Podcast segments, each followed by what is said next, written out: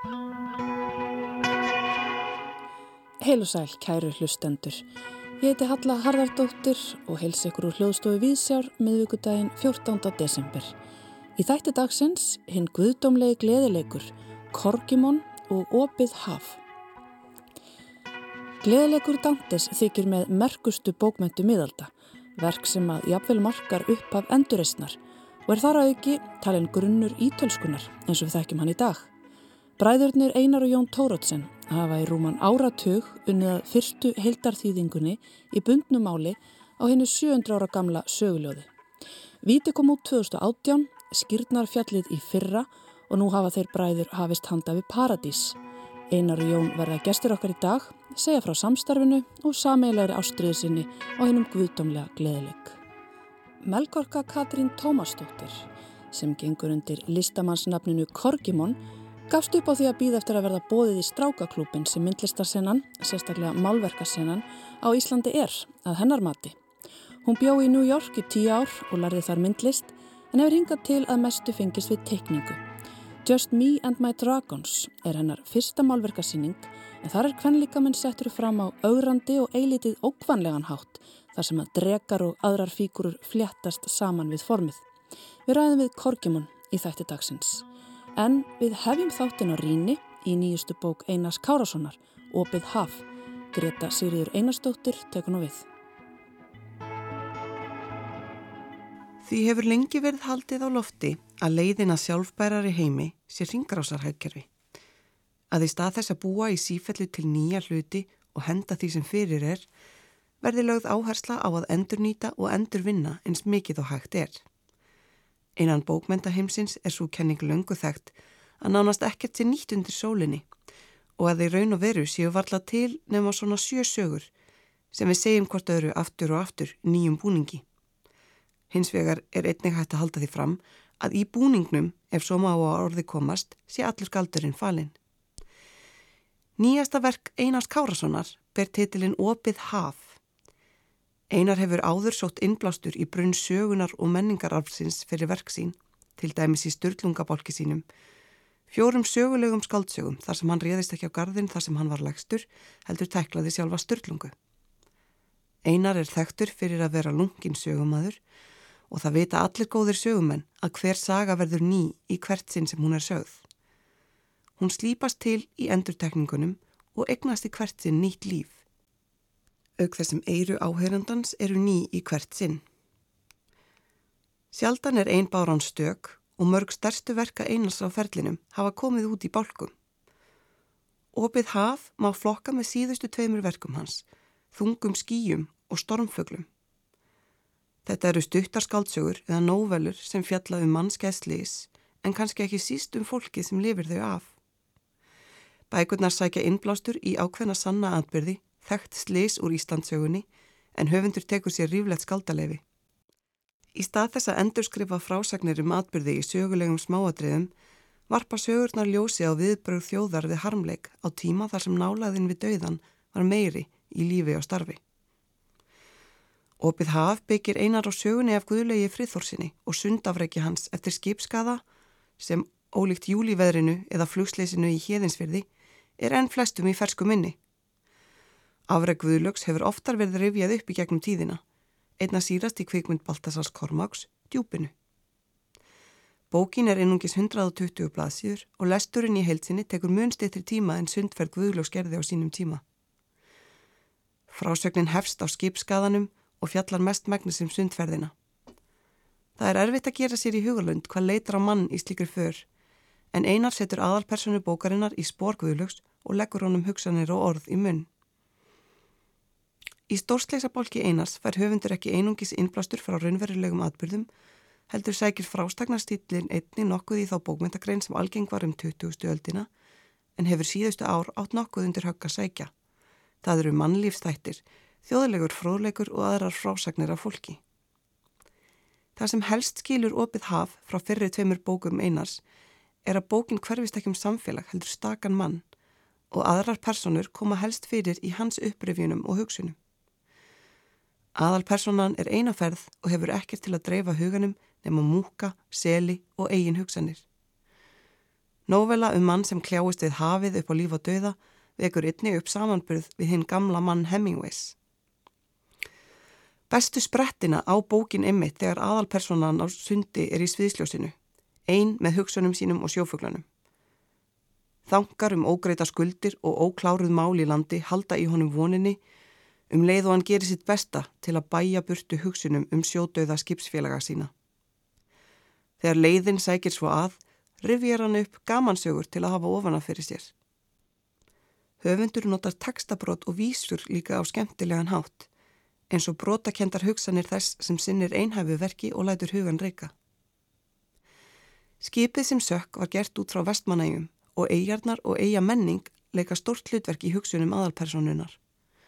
Gósið, lundaveiði, ási í bæ og þjóðháttíð eiga öll sín augnablík svo lesendur geta nánast klárað einhvers konar vestmanæja bingo við lesturinn. Vestmanæjar eins og þær byrtast í hugsunum aðalpersonunar verða þó flatar og yfirbórskendar. Vestmanæjar eins og hægt er að lesa um þær í kynningarefni frá ferðamála fulltrúa bæjarins.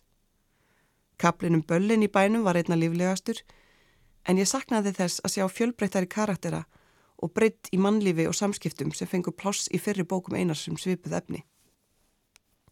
Hann er upp á sitt besta þegar hann fær færi á að skapa litrik personugalleri en lífið í vestmanniðum í opnu hafi er fjarlægt. Því skal haldi til haga að þrátt fyrir innblásturinn er opið haf ekki sagan af Guðlögi friðþórsinni heldur skaldsaga. Í henni fer höfundur næmum um höndum um þann kalda raunveruleika að standa frammi fyrir harðri baráttu við að heimta lífsitt úr greipum ægis. Sagan er rík af vísunum bæði í menningu og bókmættir þjóðarinnar og annara samfélaga en þó sérstaklega vestmanneja. Hún nær ekki sama flugi og fyrri bækur höfundar í svipuðum stíl um minna þekkt atvik og líður nokkuð fyrir samanbyrðin. Þetta er góð saga, sögð á áhugaverðan hátt, en ég hefði bara viljað fá aðeins meira út úr henni. Það var Greta Sýriður Einarstóttir sem fjallaði hér um Opið haf eftir Einar Kárasson. Þá bræðum við okkur á málverkarsýningu, Melkorka Katrín Tómasdóttir sem gengur undir listamannsnafninu Korgimón hefur hingað til aðalega fengist við teikningar en opnaði sína fyrstu málverkarsýningu á lögadag, Just Me and My Dragons. Þorgjörður Ása kíkt á sýninguna í Ingólstræti og spjallaði við Melkorku. Ég vildi bara fara út fyrir þægindaramman, ég vildi prófa mig áfram með lit, það komur óvart hvað ég var hérna, litrík í þessu því hérna, ég hef bara teiknað með blíjant.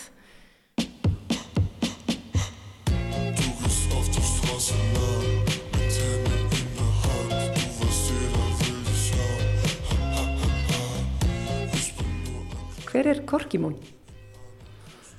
Ég myndi segja að Korkimón sé ekki beint uh, allt er ego, bara önnur hlið á personinni, uh, personinni minni sem fekk ekki beint að blómstra í strákavættum heimi þegar ég var lítill. Fyrst og fremst var ég alltaf, þú veist, stelpa í allra augum þannig að Korkimón er meira svona gender neutral, Korkimón identifæður meira sem svona þau eða hán um, og mér finnst korkimón, þegar ég er korkimón þá fæ ég meira pláss til þess að brjóta reglur, gamla reglur bara svona, og því ókvennlegri sem ég er, því svona uh, því meira, því bóðlegri verði ég í rauninni.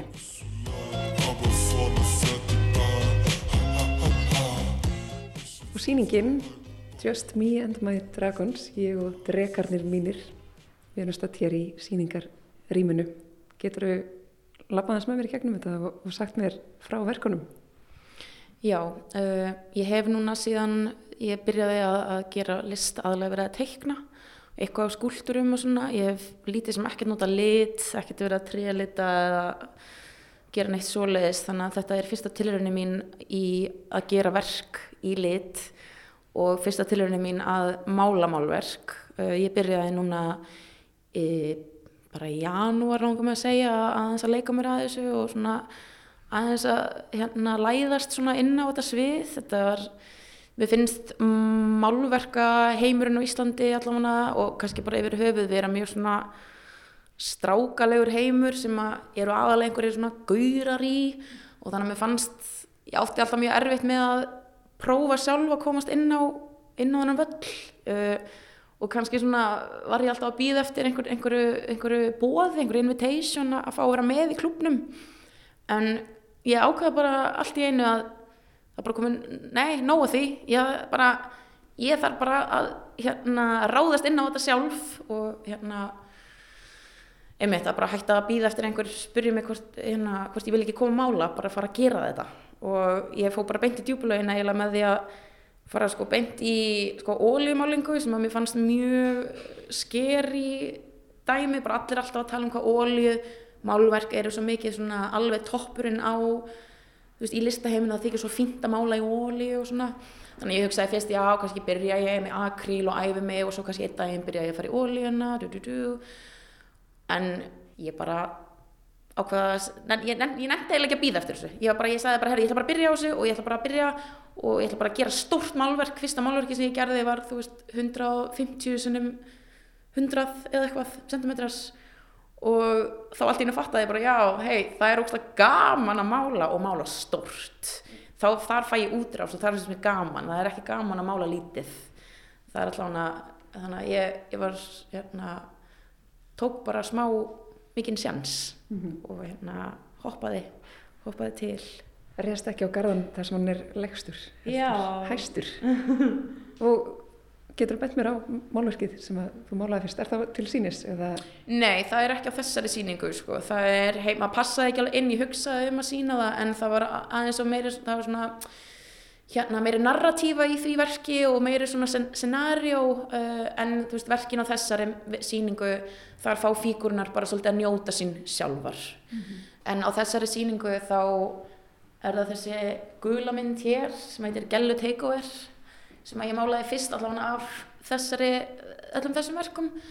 En fram að því sko þá var ég svolítið að hérna planið var að mála svona hybrids af uh, rísaðilegum og dregum og svona hestum aðalega svona, ég var að byrja að sapna svona litlum dóta, Little Pony og einhverjum svona dóta dregum að því að þegar ég var yngri þá einhvern veginn, mér langi alltaf að fá að leika með strákunum en ég mátti það ekki að því að ég var stelpa. Ég, ég, ég var skikkað úr kastalanum í, á leikskólavellinum að því ég var stelpa, ég mátti ekki vera með strákanir voru.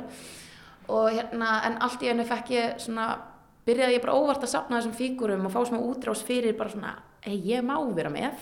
Og mér fannst að passa svo vel við það sem ég var að gera í málverkinu var bara veist, að ákveða bara nei, ég má líka, ég má líka vera hérna þannig að planið var sérst að mála þannig serju og ég byrjaði á því og gekk vel með teikningarnar en málverkin bara það bara, ég, það var ekki, að, var ekki að viska hjá mér. Og svo gerði ég hana þessa mynd og hún var svona mest svona human-like af öllum þeir sem ég var búin að vera að reyna mig við. Og þá fattaði ég bara, já, auðvitað auðvitað og ég var að mála það sem ég finn skemmtilegt. Einmitt. Og ef við lýsum aðeins þessari mynda því að nú alltaf er auðvitað að sjá já. í útvarpi þá er þetta hauslus vera sem að, já er svolítið dýrsleg en mannleg á, á sama tíma. Einmitt, já, og þú veist, þannig að ákvæði ég gæt, þú veist, blanda saman því sem er skemmtilegt, sem er að gera uh, mannslíkama. Að þetta er allt, þetta er allt, þetta er allt ég, alltaf þessar myndir sko, en að síðan að ég gæti blanda inn svona nýjum elementum eins og þetta með drega hérna, hvað hva heitir þetta hér? Um, framhliðin? Já, framhliðin, þú veist, efri parturinn um, og svo þú setja svona klær og gera svona lappinar og, og hendunar meira að svona ykt útgafa af manna, höndum og tám Einmitt, og þú kallar þetta gellu takeover Já. og þá er kannski einhver tenging melli klóna og, og gerfi negla Já, það er alveg það, þú veist, ég, einmitt ég sá það svona eftir á og fannst það svona skemmtileg hérna, tenging og síðan þú veist þetta gellu takeover er bara eitthvað, þú veist ég að fá að vera með í þessum stráka klubbi, loksins eða þú veist, fara inn inn og málara heim og bara þú veist, hér er ég og komin til að vera. Ég veit og þú sagður að þetta væri allt þú já, uh, ég sérst vann öll verkinn þannig að ég byrjaði að taka svona referens, bara ljósmyndir af mér í og þá reyndi ég að framkalla einhvers konar svona dýrlegar pósur og, og að, aðeins að setja mig inn í mindseti það að vera dregi uh, eða svona dýr bara.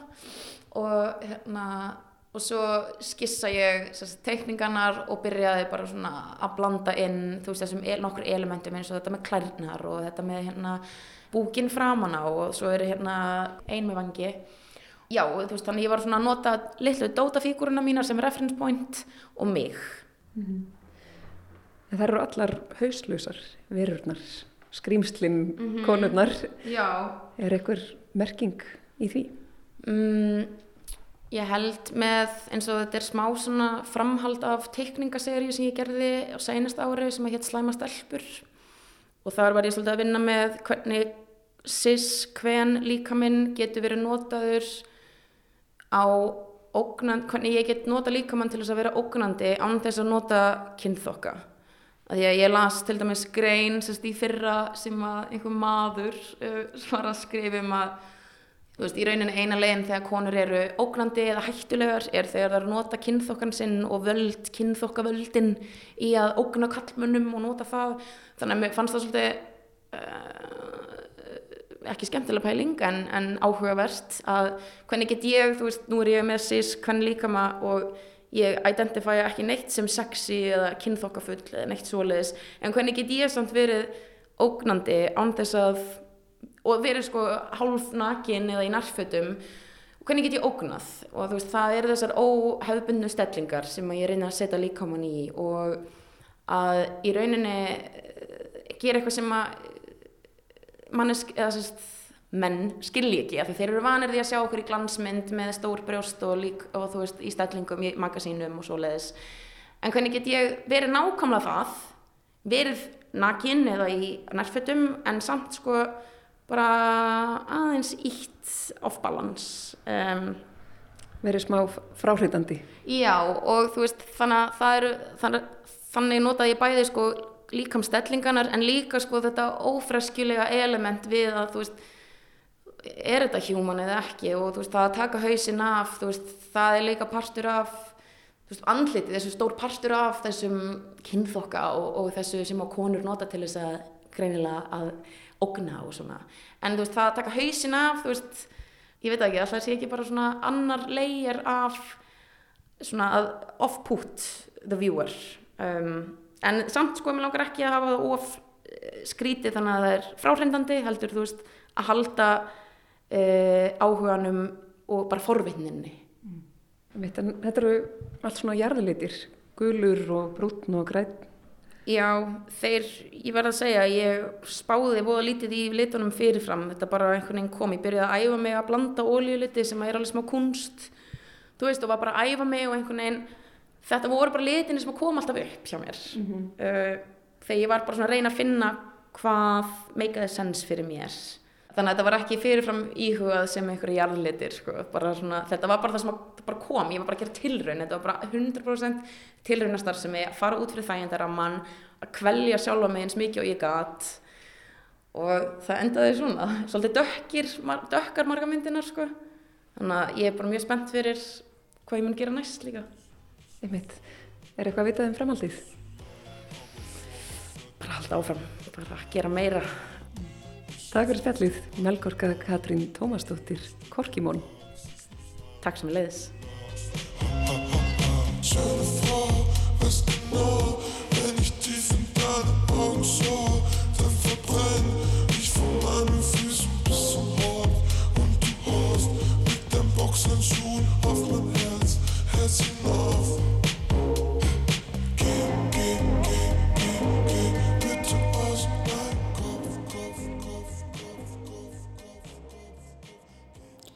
Þorgerður Ása rætti hér við Korgimon um málverkarsýninguna Just Me and My Dragons sem stendur til klukkan sjö í kvöld í Ingolstræti 6. En þá höldum við inn í allt annan heim, aðeins fjarlægari og þó mögulega tímalausan.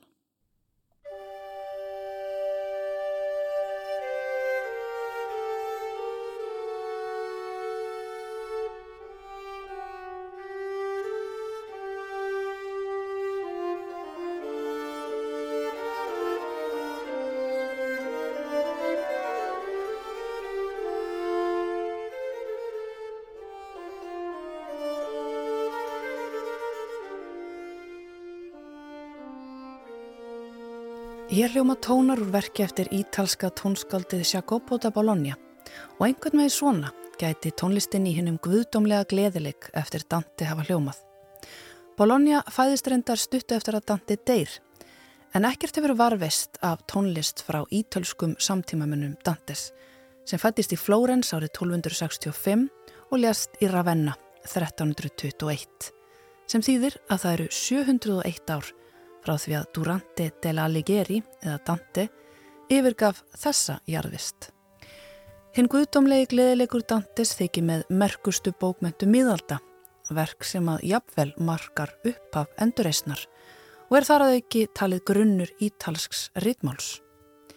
Gleðilegurinn fjallar um ímynda líf eftir dauðan og lýsir ferð Dantes um Inferno, Purgatorio og Paradiso eða um Víti, Skýrnarfjall og Paradís. Fyrst undir leiðsögn romverska skáldsins Virgils og síðan í fyllt Beatrís, æsku Ástar Dantes og leiðar stjörnu. Ljóðabolkin samti Dante þegar hann var pólitískur flótamaður frá Flórens. Hann hófað skrifa verkið 1308 og laug því réttaður hann lest 1321.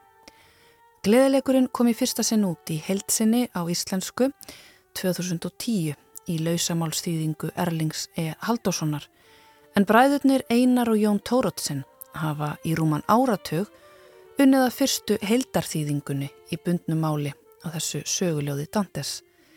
Víti kom út 2018 og skýrnarfjallið í fyrra. Í báðum bókunum er ítalski frumteksti Dantes byrtur samhliða íslensku þýðingunni og Víti príða verk eftir Ragnar Kjartansson en skýrnarfjallið príða ljósmyndaverk eftir Elinu Hansdóttur. Ég tók á móti þeim bræðrum í hljóðstofu Vísjar og fekk að spyrja þá út í samvinnu þeirra og sameiginlega ástriðu á gleðilegnum guðdómlega. En við skulum byrja því að heyra þýðandan Einar Tórótsen lesa upphafið að skýrnarfjallinu.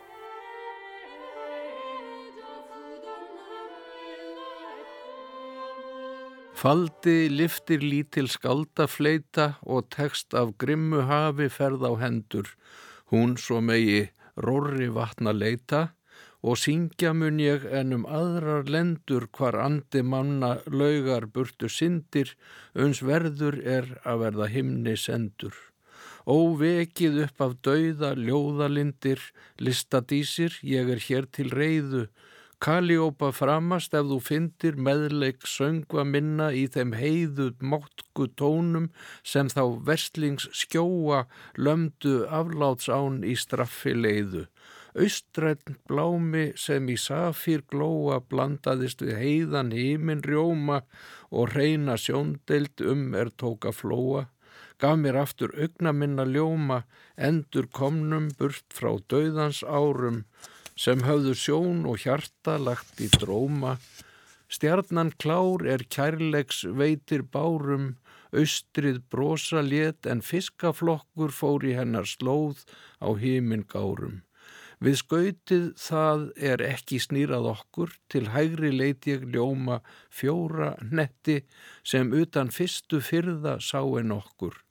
Hímin nöyt við horf á loga knetti, ó norður kvel þú ert sem ekkjumadur sem á dásemt aldrei sjónir setti.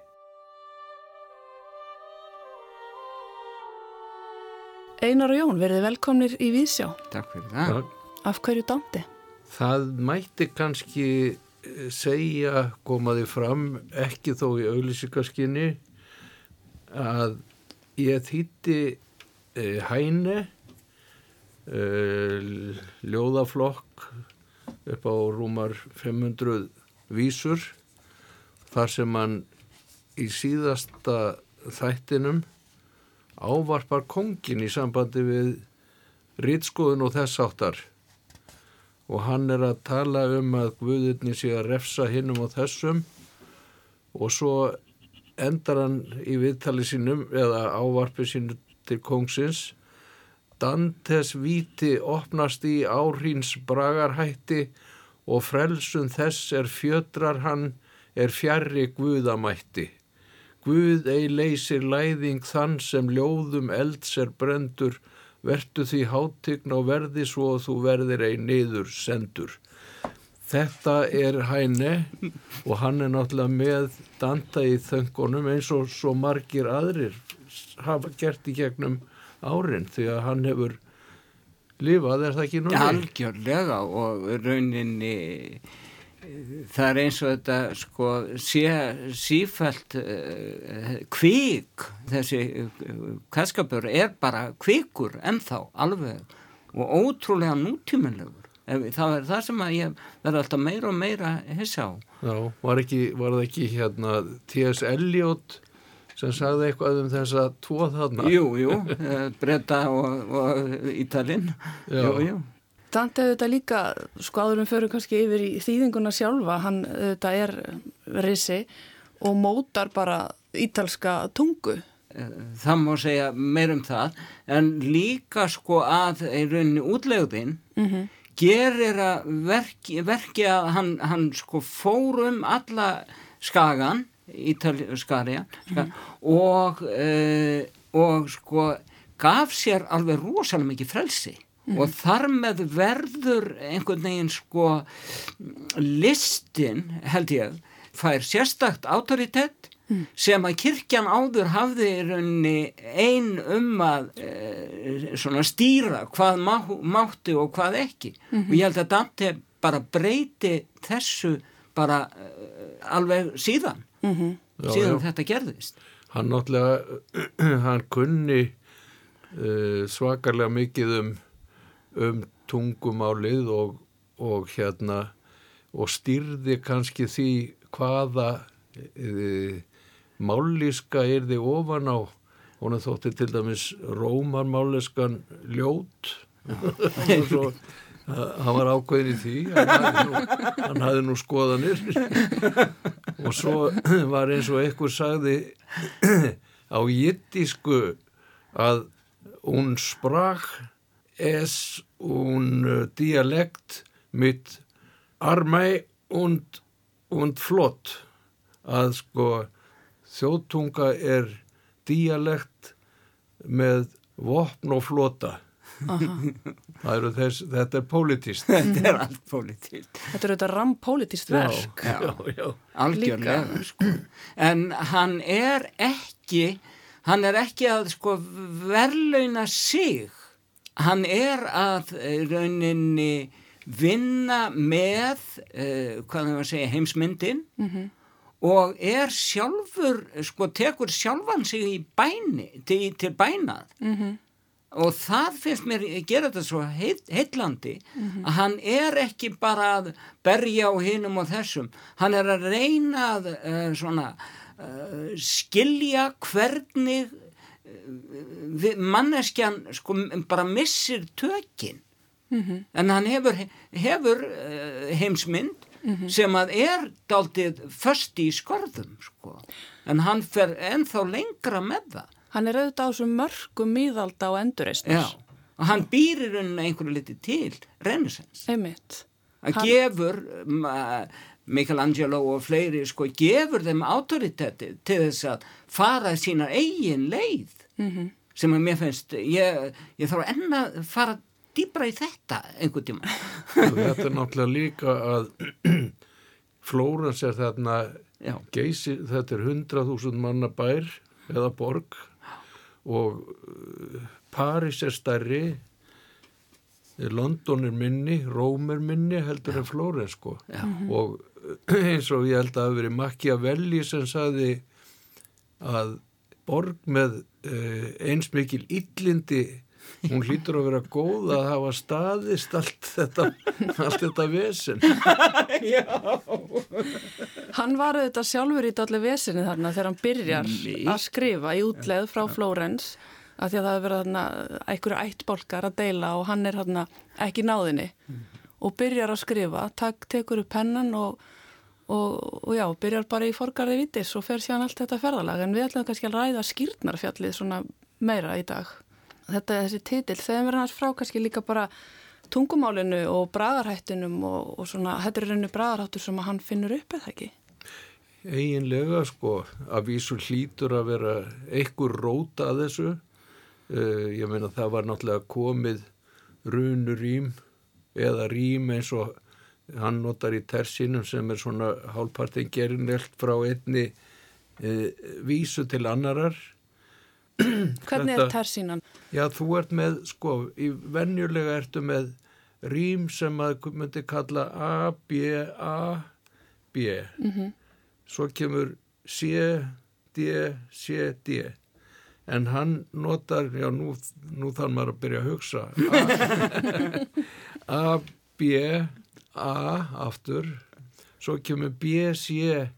Hann, hann lætur rím úr síðustu vísu tegjast inn í næstu vísu -hmm. og þannig verður þetta gernelt uh, þetta er svona einbjörn tógar í tvíbjörn einlega eins og Dani myndi segja heili tíðun Einmitt. og þetta eru yfir, yfir 14.000 ljóðlínur allt verkið sko og þetta er í sama bragarhætti og, og Jónas byrjar hérna Gunnarshólma á eða fyrirpartur Gunnarshólma Og var þetta ekki mikil, þetta hefur þó nokkur glíma gerir áferir það fyrir hvern? fyrir þig fyrir mig og kannski Dante líka, hver veit.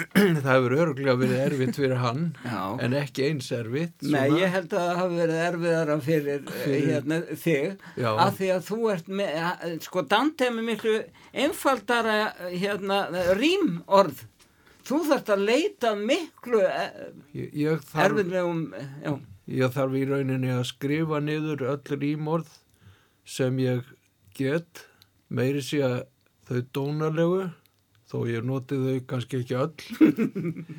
En hérna svo ef eitthvað passar þá þá er það voða gott en svo kemur það eru þrjú rýmorð í hvert skipti sem að þarf að nota og láta rýma saman svo kemur þriðja rýmorði og þá hugsa maður, ah, ég hefði átt að nota fyrsta rýmorðið þarna þetta er eins og þegar maður vinnur í hapadrætti og hérna sólundar öllu og svo tveimur árum síðan segir maður það er núna sem maður hefði þurft að vinna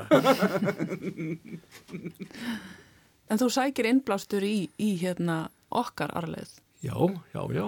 Ég nota, ég nota eh, alla klæki í rauninni og ég nota ljóðlínur, þekktar ljóðlínur eins og snýr, snú, snýr þú úr því? Þú, þú veist svona pinnlítið að leika sér með þetta. Þannig að maður heyrir þetta einhver staðar sko það, það er eins og kontrapúnur punt, en þetta er ekki línan samt. En það er eins og einar þekki allan arfin og ég er svo hissa á þetta ég held að hann sé ekkert svona vel lesi Nei, ég hef aldrei lesið neitt. en maður lærði í skóla. Já, þú, en þú varst að lesa uh, hérna Bob no, Já, Bob Moran, þegar aðri voru með Aldós Högsleit. Já, En ítalskan, hvernig, hvernig lærður þú hana einar? Já, það er nú... eh, Ég, ég var þarna í...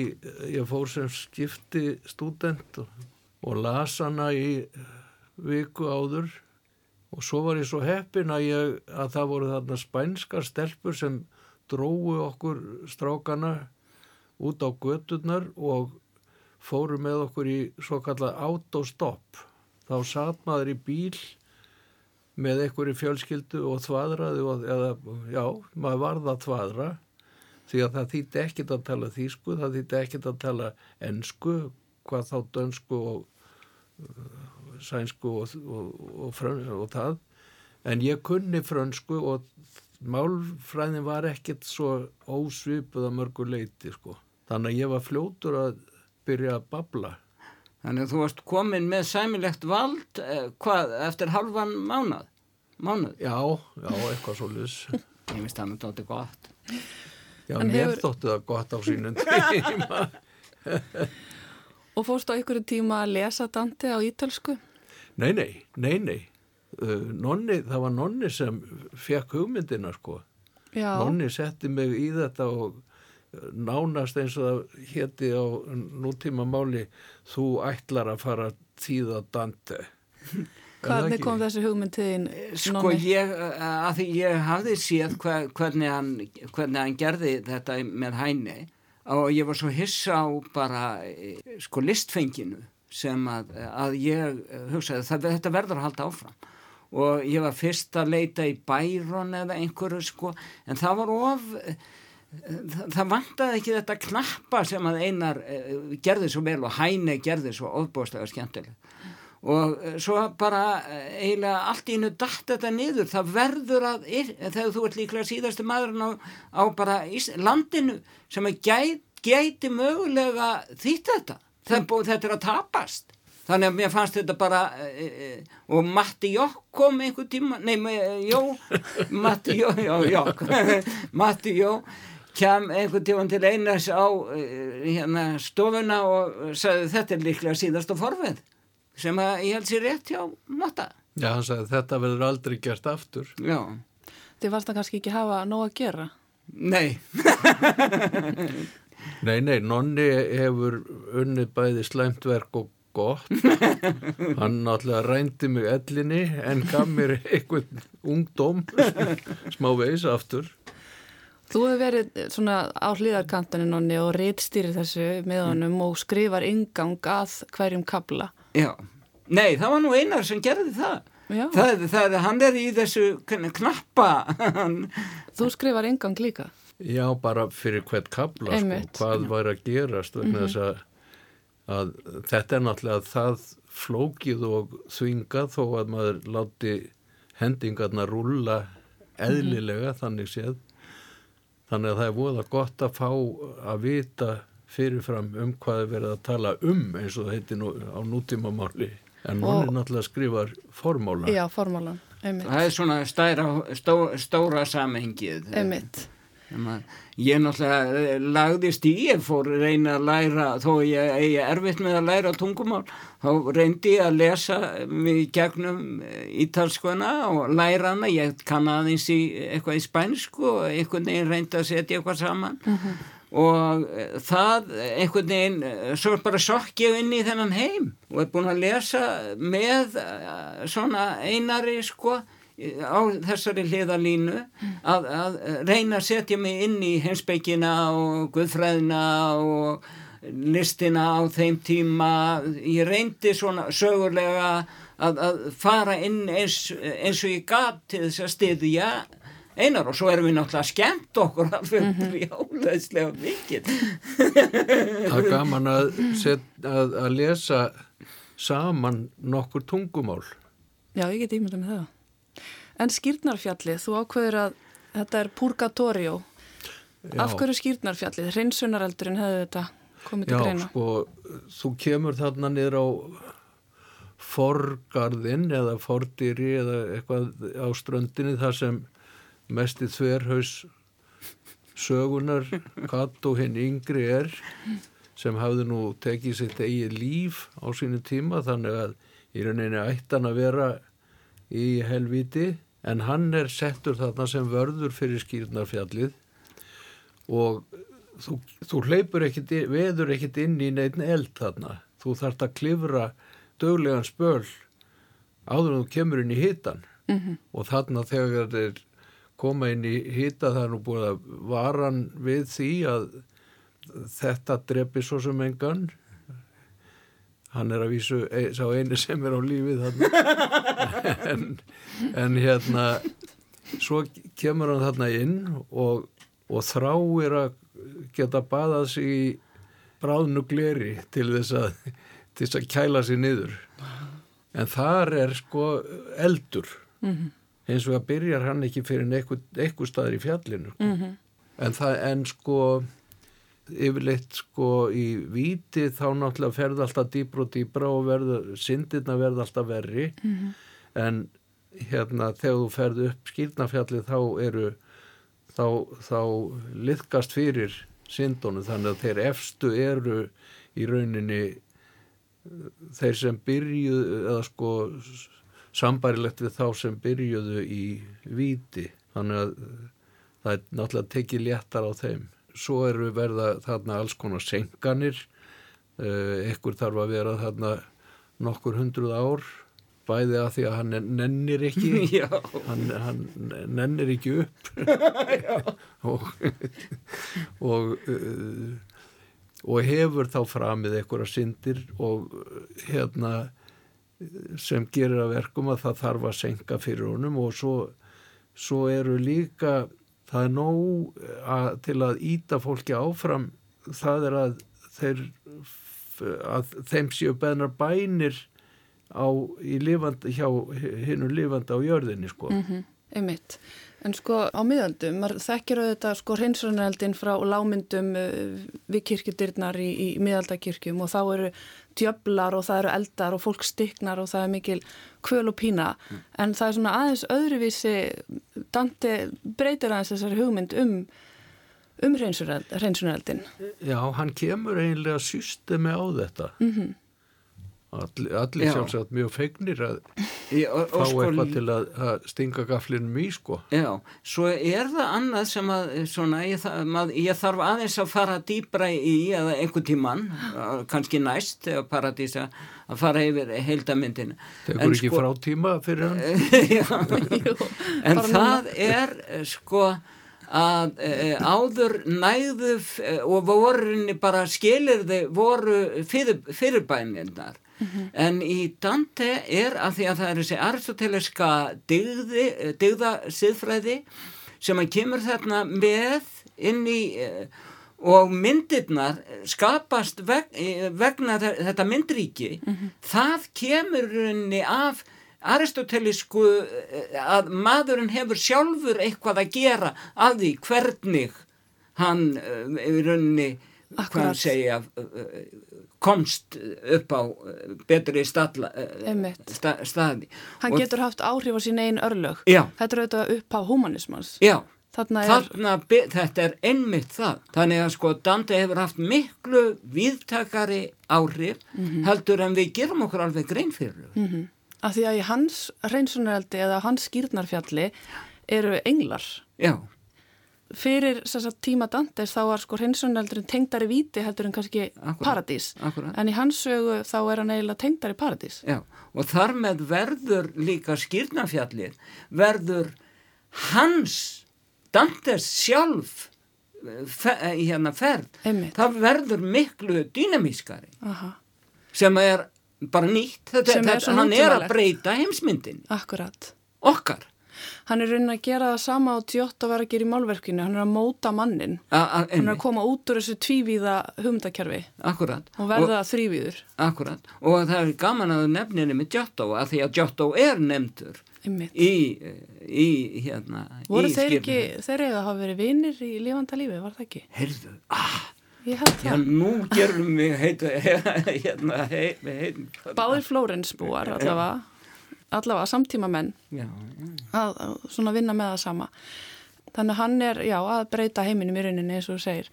Kannski það líka sem er svo nútímalegt við þetta það er þetta uh, ferðalag. Þetta er kannski eins konar bara sjálfsjálfarbók það er það er, er nota ég það ekki í formúlunum? það getur verið, já, já, við erum aðtöða og einmitt eins og þú segir, af því þetta er ferðalag þá býður sko, það er karakter þróun karakterinn þróast. Já, akkurat. Og við eigum líklega sko listsagan okkar breytist við þetta. Mm -hmm. og við sjáum það með eh, bara eins og Michelangelo. Þeir, þeir voru lágu í þessu. Mm -hmm. hann, mhm. hann kunni þetta utan að allt Michelangelo Því líkur brunnur ja. fyrir Já, já, hann kallaði þetta komedíu til að byrja með mm -hmm. og hérna svo kom Boccaccio nokkrum áratugum síðar og, og komði með þetta uh, divína guðdómlegu mm -hmm. með sko. og síðan hefur þau kallað það en hann notaði bara komedíuna mm -hmm. og svo uh, hafa menn spekulerað í eða fólk eins og það heitir nú á dögum hérna spekulerað í hvers vegna komedía og ykkur er vilja meina að, eða ykkur er vilja meina að það sé vegna þess að þetta byrjar í viti eða byrjar svona tragist og trist og endar uppi hjá Guði mm -hmm. og það hlýtur að vera góður endir skulum við ætla mm -hmm. En svo er annar svona tólkun á þessu sem er komedía er bara að því að þetta er hérna, þetta er ekki latína. Þetta er Já, þetta er á þjóðtungu. Mm -hmm. Þetta hefur verið magna ferðalega vendalega fyrir ykkur tvo. Þú talar um að Jón eða Nonni hafi svona verið þinn samferðamaður í gegnum þetta rittstýrðir og, og svona leiðbeint þér þið eru kannski doldið eins og Dante og Virgil já, já er hann þinn já. Virgil já, já það, það má Já, má ljúa því að fólki náttúrulega Já, það, kannski að, að heimitt að, að raunni var Dante stærri en Virgil já, já, þá getur það passað Og þið ætlaði að halda áfram, gerir á fyrir? Já, það, Já við verðum. það er verið að leggja gangskarir hér og þar sko. Nei, nei, en maður þarf nú að koma sér í, já sko, ekki kannski stuð, en maður þarf að geta séð, þetta er eins og Ríkjard Strauss, hérna, tónskáld, hann samti tónlist milli átta og fjögur, eða hann hafði bara vinnutíma dagsins og not, já, mm -hmm. einhver annar sagði það, ég, jú, jú, ég nota alltaf inn, innblástur. Hann byrjar klukka nýja á módnana Einar og Jón Bræður Tórótseinir þakka ykkur innilega fyrir komuna hérna í Víðsjá. Við ætlum að enda á sjálfsögðu á lestri. Takk.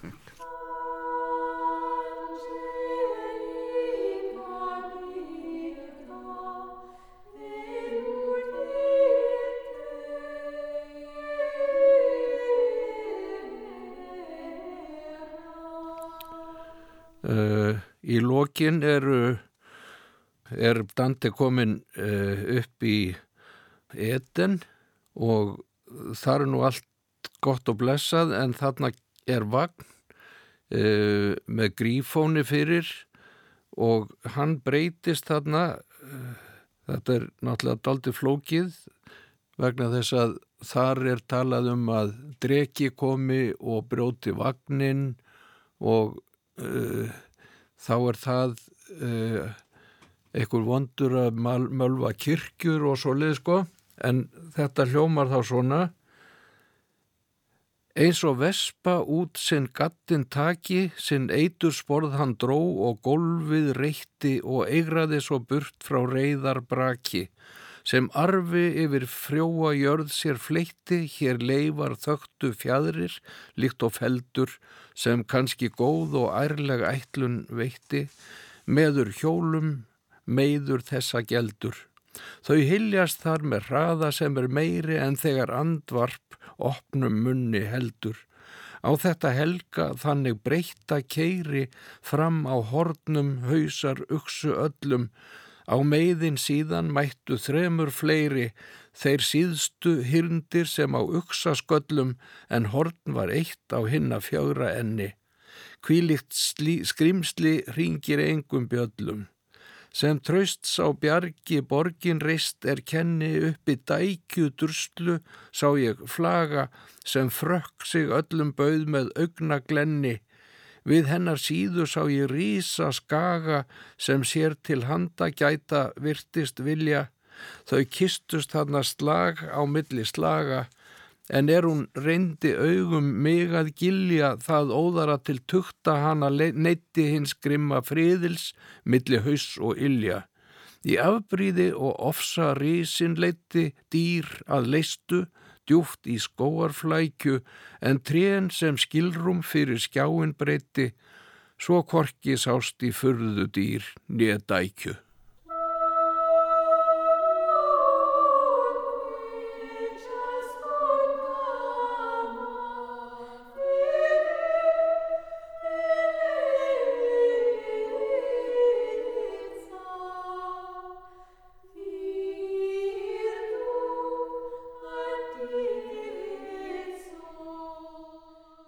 Angelica Bilta, kórverk frá 14. öld eftir eitt þekktasta tónskáld Ítalju þess tíma, Francisco Landini. Einhvern veginn svona geti söngurinn í eten á toppi Skirnarfjáls hafa hljómað, hver veit. Við endum allavega þáttin í dag á þessum fagra englakór, takk fyrir að hlusta og verið sæl.